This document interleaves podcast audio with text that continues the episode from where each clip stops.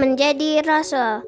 Suatu ketika, dengan sangat berhati-hati, orang Quraisy memutuskan untuk membongkar dan memperbaiki lagi bangunan Ka'bah yang terkena banjir.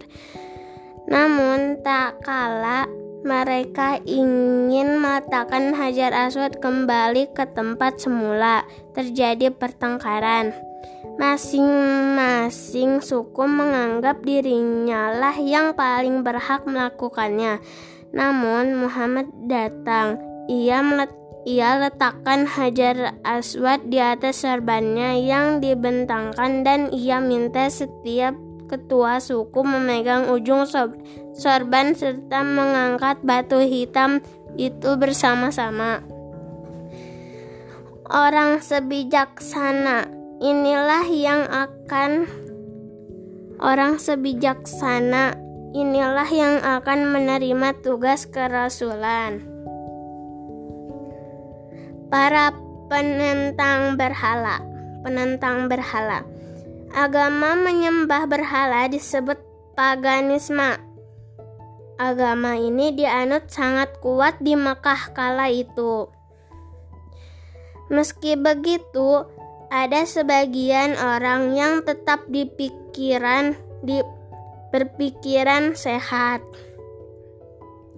Salah seorang di antaranya adalah Warakoh bin Naufal yang kemudian memeluk agama Nasrani. Menyendiri ke Gua Hiro sudah menjadi kebiasaan para pemikir bangsa Arab waktu itu untuk menyendiri bila mereka sedang serius memikirkan sesuatu. Itu pula yang dilakukan Muhammad Shallallahu Alaihi Wasallam. Ia banyak mengasingkan diri ke gua Hiro untuk menjauhi dosa dan memikirkan cara menyelamatkan masyarakatnya dari penyembahan sesat kepada berhala. Kebiasaan ini disebut tahanut. Menjadi rasul. Suatu ketika di tahun 610 Masehi, datang malaikat Jibril ke Gua Hiro. Ketika itu Muhammad Shallallahu Alaihi Wasallam sedang berpikir seperti biasa sampai tiga kali. Jibril memerintahkan agar Muhammad Shallallahu Alaihi Wasallam membaca. Namun tiga kali pula ia menjawab, "Saya tak dapat membaca." Maka Jibril alaihi salam pun membaca ayat-ayat Al-Quran yang pertama diturunkan. Bacalah dengan nama Tuhanmu yang menciptakan menciptakan manusia dari segumpal darah. Bacalah, dan Tuhanmu Maha Pemurah yang mengajarkan dengan pena, mengajarkan kepada manusia apa yang belum diketahuinya. Quran Surat Al-Alaq Surat ke-96 ayat 1 sampai 5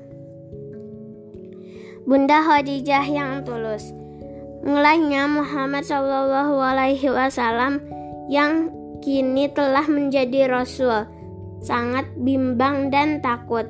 Namun di saat-saat kritis ini, Bunda Khadijah tampil penuh kasih sayang dan tulus. Ia menghibur dan mendukung suaminya. Ia tahu suaminya akan memulai tugas yang sangat berat.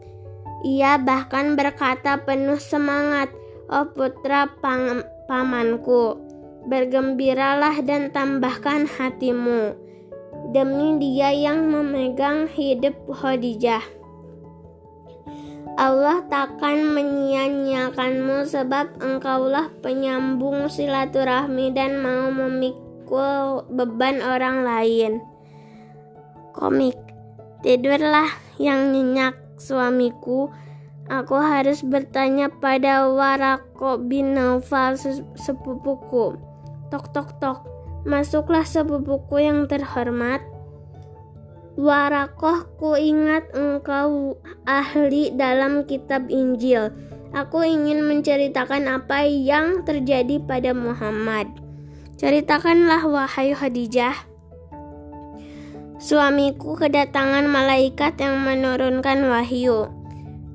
Maha suci, maha suci dia, maha suci. Khadijah, dia adalah nabi umat ini. Katakan padanya supaya tetap tabah.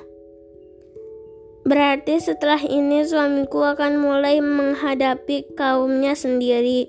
Aku akan mendukungnya sepenuh hati sampai nyawaku pun akan kupertaruhkan untuknya.